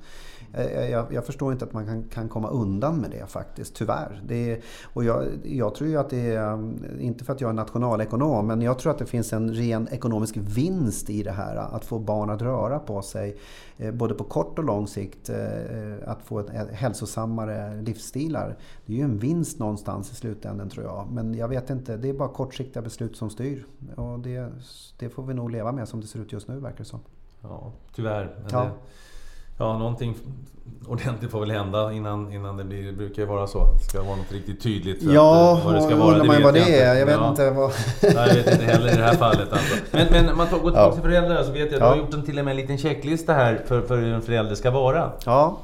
Till exempel ta det lugnt vid sidlinjen? Ja, absolut. Och jag, jag är ju inte för att stänga ute föräldrar. Jag vill att föräldrar ska vara nära idrotten. Och de, med det menar jag inte inne på planen då. Utan då menar jag att man står stå vid sidan om och skapar en god miljö och att man förstår varför föreningen gör si och så. Det här är också intressant. Jag tycker det är rätt om föräldrar ställer en fråga till en förening som selekterar nioåringar. Varför gör ni det här och på vilka grunder gör ni det här? Det tycker jag är en förälders plikt att ställa den frågan för att se vad föreningen svarar och om det svaret är tillräckligt bra. Men också det här med att när man är på match så, så får man ju inte... man ska inte skälla på varken eh, sin egen eh, lille tjej, kille eller, eller domaren eller andra föräldrar eller någonting. Utan eh, vet man med sig att man är lite upprörd ibland då tycker jag man ska ta med sig en god kompis som man litar på. Och så när den kompisen ser att Nej, men nu börjar Johan bli arg här. Då kan väl kompisen säga till du, vi går bort två minuter, tre minuter bort här och, och tar en kopp kaffe eller, eller en läsk eller någonting. Och sen så lugnar vi ner oss lite och sen går vi tillbaka. För jag tycker att den här föräldern ska öva på att stå där och faktiskt glädjas och, och liksom njuta av att ens barn har en rolig tid. Men, men det, får inte gå, det får inte gå överstyr. Var närvarande, inte styrande. Du är mm. lite inne på det när du säger att, att vara där och titta mycket men inte, inte lägga sig i tränarens ja. uttagningar. Men det är, du vet ju själv hur det är. Du var inne på ishockeyn här. Det finns de som, som eh, skickar sina barn till, till AIK så får de inte spela powerplay där. Då går de till Djurgården får de inte spela powerplay där. Så går de till Huddinge får de inte spela powerplay där. Det är fel på laget hela tiden. Ja, ja, ja. Alltså det... det mm. Och sen brukar de eh, titta ner på sin, i, i, på sin kille. Oftast killar är det men, men det är börjar, vanligare och vanligare tjejidrotten också tyvärr. Men, men eh, så tittar de på grabben och så säger de men du vill väl byta till den andra klubben? Och, och grabben 10 år, ja, ja det vill jag nog. Ja, ja. Och sen så går, drar man vidare. Erfarenheten då från, från Stockholmsfotbollen när jag jobbade i Djurgården där och satt med de andra större föreningarna också. Det är väl generellt att de här försvinner. Mm. De lyckas inte. Utan det, det, blir en för dålig miljö. Inifrån, det, det blir rörigt. Ja, ja, det blir rörigt. Och, nej, så att vara närvarande men inte styrande. Och närvarande det är ju att skjutsa och fixa och dona men också faktiskt behöver inte se varenda träning, behöver inte se varenda match. Alltså, låt eh, barnet ha sin egen grej där nere med kompisarna och tränaren och så vidare. Låt dem liksom skapa egna relationer där och så vidare. Så att, så var inte där hela tiden. Men visa intresse, ställ frågor. Hur gick det idag? Vad tänkte du? Vad lärde du något nytt? Och de här eh, sakerna som man är intresserad av. Och sen vara där och kolla när man har tid och lust så, såklart. Och det vi var inne på lite tidigare också här. Ifrågasätta idoler. Mm. Det tycker jag man ska göra. Och jag tycker man ska... I föreningarna tror jag det är bra också om man knyter band mellan åldrar. Så att inte man... Här är sjuåringarna, här är åttaåringarna, här är nioåringarna, här är tioåringarna. Utan att som jag sa tidigare, varför inte varför inte låta en eh, 10-11-åring komma ner och vara assistenttränare när du kör med 8-åringarna? Då kan den här 10-åringen briljera med att visa någonting där. Och, och 10-åringen kan också gå med och ge tips och råd till de här lite mindre och så får man en, en idol, en förebild och kanske till och med att de går på samma skola. Då kan den här lite mindre tjejen eller killen där säga men ja, där är min tränare och så, och så får man lite relationer där och så vidare. Så jag tror man ska jobba med dem nära idolerna då. Och så tror jag man ska försöka skippa de här som, som kanske inte är, är jättebra förebilder trots att de kanske är duktiga fotbollsspelare. Mm. Tänker jag. Ja, det är mer än bara duktig, det ska vara en människa som, som har andra, står för, and, för, ja. för goda värden och värderingar. Ja, och när man sätter sig ner. Jag har träffat så pass många fantastiska idrottare både när jag har jobbat som idrottspsykolog och med vår lilla podd som sagt var och så vidare. Så, men det är vanliga människor, ödmjuka, oftast ganska självmedvetna som liksom det är inte det här äh, vinnarskallen, den dåliga sidan av vinnarskallen som man brukar prata om. Den som är egoistisk och tar för sig och sådär. Det är sällan, upplever jag i varje fall. Men sen är de jäkligt målinriktade och vet vad de ska göra såklart. Du, du vad, vad är målet med din idrottspsykologi? Vad vill du, vad vill ja. du hamna? Alltså, är, är det är det som en kommentator som vill eh, åtminstone göra en Champions League-final i karriären? eller, eller, eller en spelare som vill komma... Alltså, hur, hur ser målet som, som ditt mål, mm. Johans mål, som, som idrottspsykolog? Ja, det är klart, ringer Barcelona så kommer jag överväga ja. i alla fall. Lära mig spanska snabbt och dra ner. Ja, Eh, nej, vad är målet? Jag, jag, jag brinner för att, eh, en god idrott. Alltså dels har det här med, med mitt intresse för föräldrarna som jag tycker är en outnyttjad resurs. Det vi har pratat om är de negativa sidorna men samtidigt de föräldrarna som är fantastiska som bara bär hela idrottslivet och hjälper sina barn och allt det de, att hjälpa dem att, att, skapa goda idrottsmiljöer, det tycker jag är jätteviktigt. Eh, en annan sak som jag tycker är viktigt är att försöka få in mer forskningsbaserad eh, verksamhet eller alltså idéer och tankar kring det som är forskningsbaserade så att inte man sitter och gissar bara och, och så här, men vi gjorde så här 30 år sedan och det funkar nu också. Så att det är också en viktig del för mig. Och sen är det ju såklart, jag gillar ju, jag har ju levt med elitidrotten i hela mitt vuxna liv i princip och eh, jag tycker det är kul att sitta strax bakom bänken eller någonting sånt och, eller vara med i omklädningsrummet när det är viktiga matcher eller, eller se utvecklingen hos en duktig spelare som blir ännu bättre eller tar till sig någonting. Eller en ledare som, som är nyfiken. Så att det är många sådana saker som driver mig i det här. Och ett litet mission att skapa möjligheter för fler att bli duktiga i idrotten är såklart. Men i samband med det, och de som känner mig också vet ju det, i samband med det, det är ju att få många bra eller för många bra miljöer att idrotta i. Dels faciliteter som vi pratade om, men också många duktiga ledare. Många som kommer in i idrotten. Då får vi också fler duktiga elitspelare någonstans i slutändan när de är vuxna. Så det där har det liksom det jag brinner för. Och sen om det finns ett slutmål med det här, jag vet inte. Eh, min fru säger att jag jobbar alldeles för mycket redan nu, så jag vet inte. Nej, jag brinner bara för det. Jag tycker det är roligt. Jag tycker det är kul. Idrotts, Idrotts-Sverige är fantastiskt, helt enkelt. Vad, vad är en vinnare för Johan Falby? Eh, en vinnare är den som ger allt i alla lägen. Både för sig själv och för laget då eller den grupp man är i. Den som, den som verkligen kan säga när de sitter i omklädningsrummet efter den här prestationen att gjorde allt idag. Och det innebär ju inte att man alltid vinner. Man förlorar också då. Så att det, men när man gör allt och man ser hur långt man kan komma och verkligen pressa sig att komma så långt man kan göra. Då är man en vinnare i mina ögon. Vad, vad, eh, eh vad är en vinnare i livet då? Oj en vinnare i livet. Ja, men för mig, jag, jag, jag, jag tycker det är roligt att, att göra saker och, och uppleva saker. Så det, det, tror jag, en som upplever mycket och som gör saker och, och provar, har idéer, provar lite nya saker. Det är en vinnare. Och sen så är det ju det här, självklart är det det här vanliga, det att man har, har familjen och vänner och, och, och så nära. Men upplevelser, då är man en vinnare, tycker jag, i, i livet. Var nyfiken? Var nyfiken mm. hela livet. Det tror jag. Det, jag, jag, ja, jag har nog idéer och tankar hela tiden. Och en del blir, blir till någonting och många saker blir aldrig till någonting. Men, men det tror jag att, att man hela tiden strävar att utvecklas eller lära sig saker och komma vidare på något sätt. Och det kan ju vara att prova nya saker rent fysiskt, ja, men vattenskidor och fallskärmshoppning. Men det kan också vara att att eh, se nya saker, skaffa nya vänner eller uppleva nya, eh, nya länder eller nya maträtter eller det man har intresse för egentligen. Så.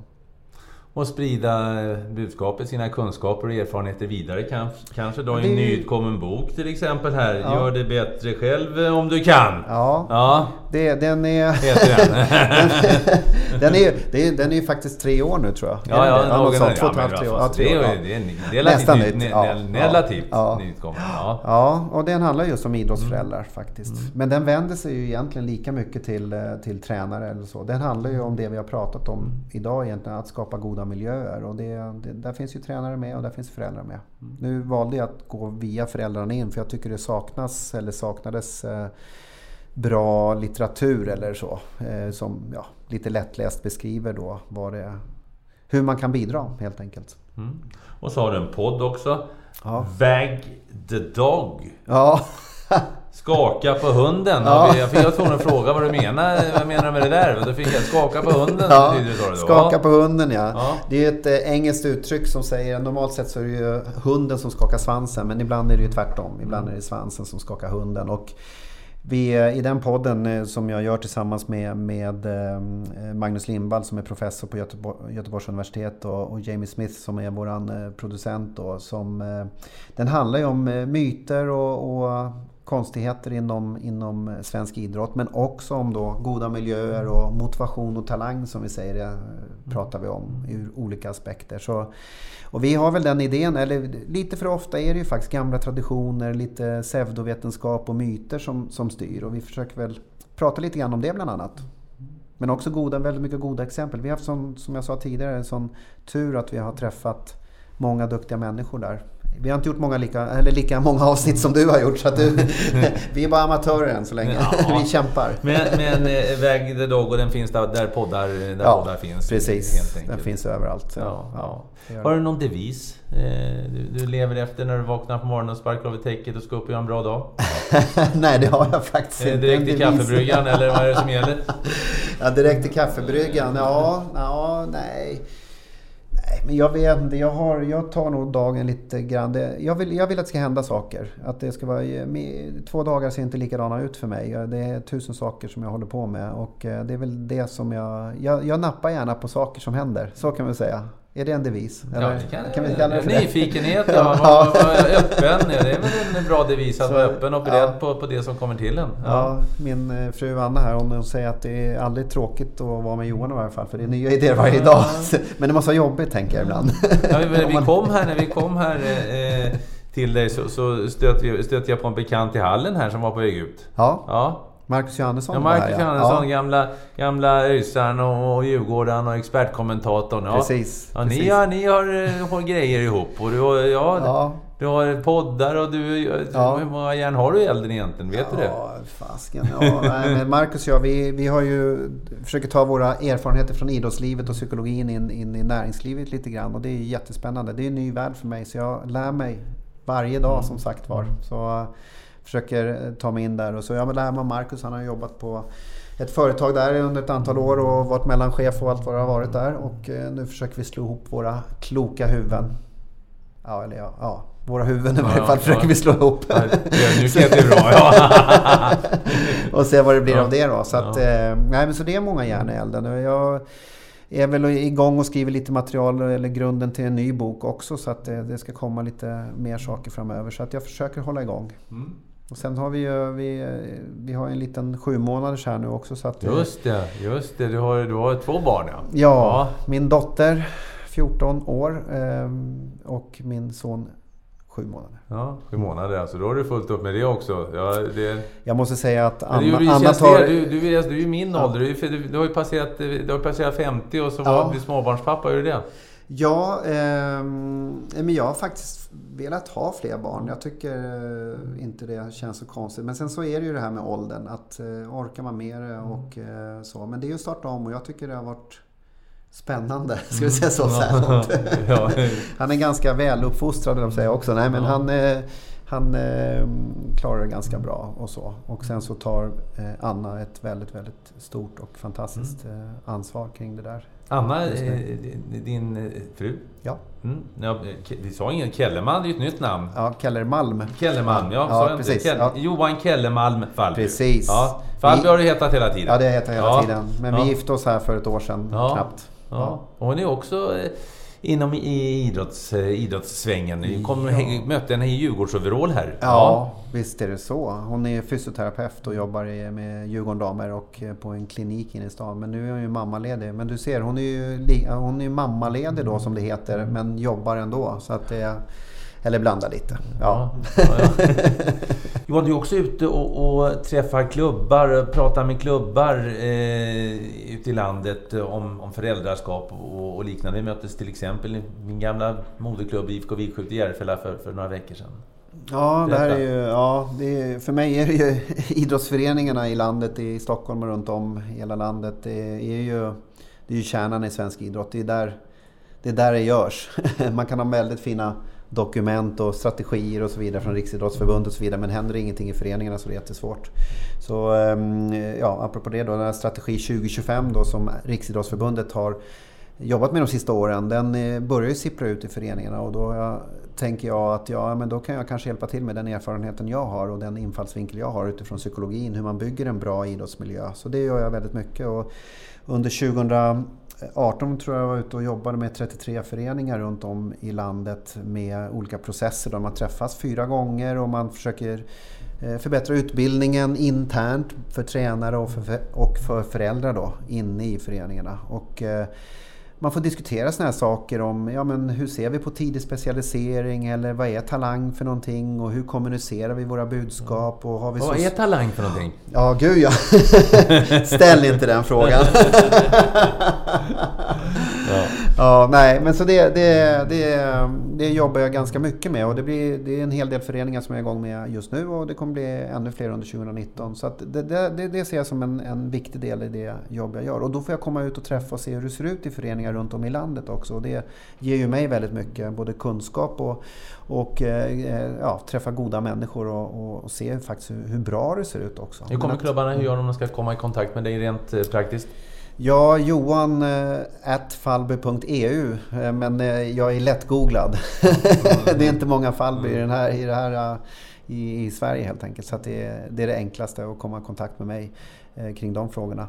Så det är mycket samarbeten runt om i landet. Men det här med talang är också intressant om vi ska börja diskutera sådana saker. Och det används ju på ett väldigt märkligt sätt. När man pekar på en 12-åring och säger att den är talang och så, då, då, då blir det ofta väldigt knepigt för den här personen, där barnet, att leva upp till det här. Och det ger ofta mer negativa effekter än positiva effekter och det är nog en allmän uppfattning jag har eh, faktiskt. Det gäller inte alla såklart. Men eh, en talang för mig det är ju en som faktiskt har viljan att hålla på länge. Att ha passionen, att ha den inre självbestämmande motivationen, att älska idrotten. Och runt det, om man ska vara en talang så måste man också ha personer runt som tar det lite lugnt. Både föräldrar och tränare och så vidare som skapar den här goda miljön. För annars så spelar det inte så stor roll om du är talang eller inte. Vi pratade ju Eh, tidigare om det här med de som hoppar omkring och byter klubba bara för att man förlorar och så vidare. Det är ju inte en lugn miljö och då är det svårt att vara talang om man nu ska säga det. Det är svårt att bli duktig i så fall helt enkelt och då blir det rörigt. Och då... Så talangbegreppet är väldigt rörigt och det är ju det jag håller på att försöka peta ihop någon text om här så får vi se om jag kommer lyckas med det framöver. Och någon som sa att tåla mycket träning, det är en talang, absolut. för då blir det bra. Ja. Har man mycket motivation då och sen då att tåla mycket träning, absolut. Men tåla olika typer av träning dessutom. Och sen under lång tid. Talang är ju inte... Om du säger... Ja, du kan säga att du är en talang och då gäller det just nu. Men talang, att vara talang, det säger ingenting om framtiden. Det är det som man går vilse när man börjar tänka så. Så, att det är ju, så träna mycket, träna länge, träna, träna allsidigt är ju sådana. Och ha goda människor omkring sig, goda relationer. Ha lite tur. Mm. du har, alltså det är massa faktorer som påverkar om man ska kunna bli duktig. Så talangbegreppet är ofta mer negativt än positivt, tyvärr. Men vi får återkomma till det nästa podd och när jag har skrivit lite ja, mer om det. Nästa eller? bok. Ja. Nästa bok. Jag ska göra reklam för nästa bok. Ja, precis. Den är verkligen nyutkommen. Ja. ja, precis. Direkt bara. Jag ringer dig dagen efter. eh, om fem år, hur ser, hur ser det ut då tror du? För dig? Om fem år? Um... Då, har ni gjort, då har ni också gjort 188 avsnitt med podd. Ja, precis. Ja. 189 faktiskt. Nej, men alltså, jag brukar ju säga så här att det är omöjligt att, att förespå framtiden med, hos människor. Det, det går ju inte att säga du är 12 år och talang, du kommer bli elitspelare. Och jag känner lite grann samma sak med mig. Jag vet inte om jag är talang längre, men, men eh, jag vet faktiskt inte vad jag gör om fem år. Eh, sannolikt är jag inom samma område och jobbar vidare och har hittat nya intressanta projekt som jag kan jobba med och samarbetspartners. Och, och, ehm, och så. Men eh, jag, är ju alltid, jag, jag, kan ju också tänka mig att flytta utomlands igen ifall det, tillfället skulle dyka upp eller ifall, ifall det är så. Så jag, jag har svårt att säga det, vad, vad, vad jag är om fem år. Faktiskt. Jag har, en, eh, jag har väl en dröm om att eh, eh, få fortsätta med det jag håller på med för jag tycker om det helt enkelt. Men eh, det kan ta andra svängar också. och vi har missat någon sväng nu Johan? Har vi missat någon sväng? Nu när du har... Eh, har, jag, har jag glömt någon viktig del? Eller intressant del? Eller underhållande del? när det gäller Johan Falby? Nej, jag tycker vi har gått igenom en massa saker här. Um, måste jag säga. Det där skulle du nog ställa frågan till, eh, till Anna då, om, det, om vi har missat någonting. Jag vet inte om hon har hört det här. Eller? Hon kommer ut i så fall. Hon kommer ut i fall. Och Väg the Dog, där hör man dig varje vecka. Eller? Nej, tyvärr inte. Vi har, det är ett litet sidoprojekt men mm. vi har ju 14, eh, vi har 14 avsnitt ute och vi har en ambition av att släppa ett varannan vecka. Inte alltid vi hinner det för att som sagt vi gör mycket andra saker. Magnus är ju är ju professor på ett universitet, eller två universitet. Han har precis börjat på Gymnastik och idrottshögskolan här i Stockholm också. Och eh, sen dessutom Jamie är ju kommunikatör och jobbar eh, alldeles för mycket också. Så vi försöker bara överleva och få ut så mycket vi kan där. Men vi tycker det är förbaskat roligt och får väldigt mycket bra respons och intresse och, och frågor och så kring det. Så att vi, vi kommer kämpa på ett tag till. Och så till slut kanske vi blir lika erfaren som, som du är. Ja, ja, det är bara att fortsätta. Det, är erfarenhet. det, är bara, det, är bara, det är bara tålamod och ja. trampa på bara. Ja. Ja. Tack så mycket Johan Fallby. Och nu ska vi hem och väga doggen. Vi har ju en hund ja, hemma. Så wag the dog. Ja, ja, ni måste ut och wagga den. Tack så hemskt mycket för att jag fick vara med. Tack för att du lyssnade. Vill du nå mig går det bra via Twitter, Niklas Holmgren, hemsidan niklasholmgren.nu eller Facebooksidan Holmgren möter. Ha det så gott så länge. Hej hej. Jag tar den första igen.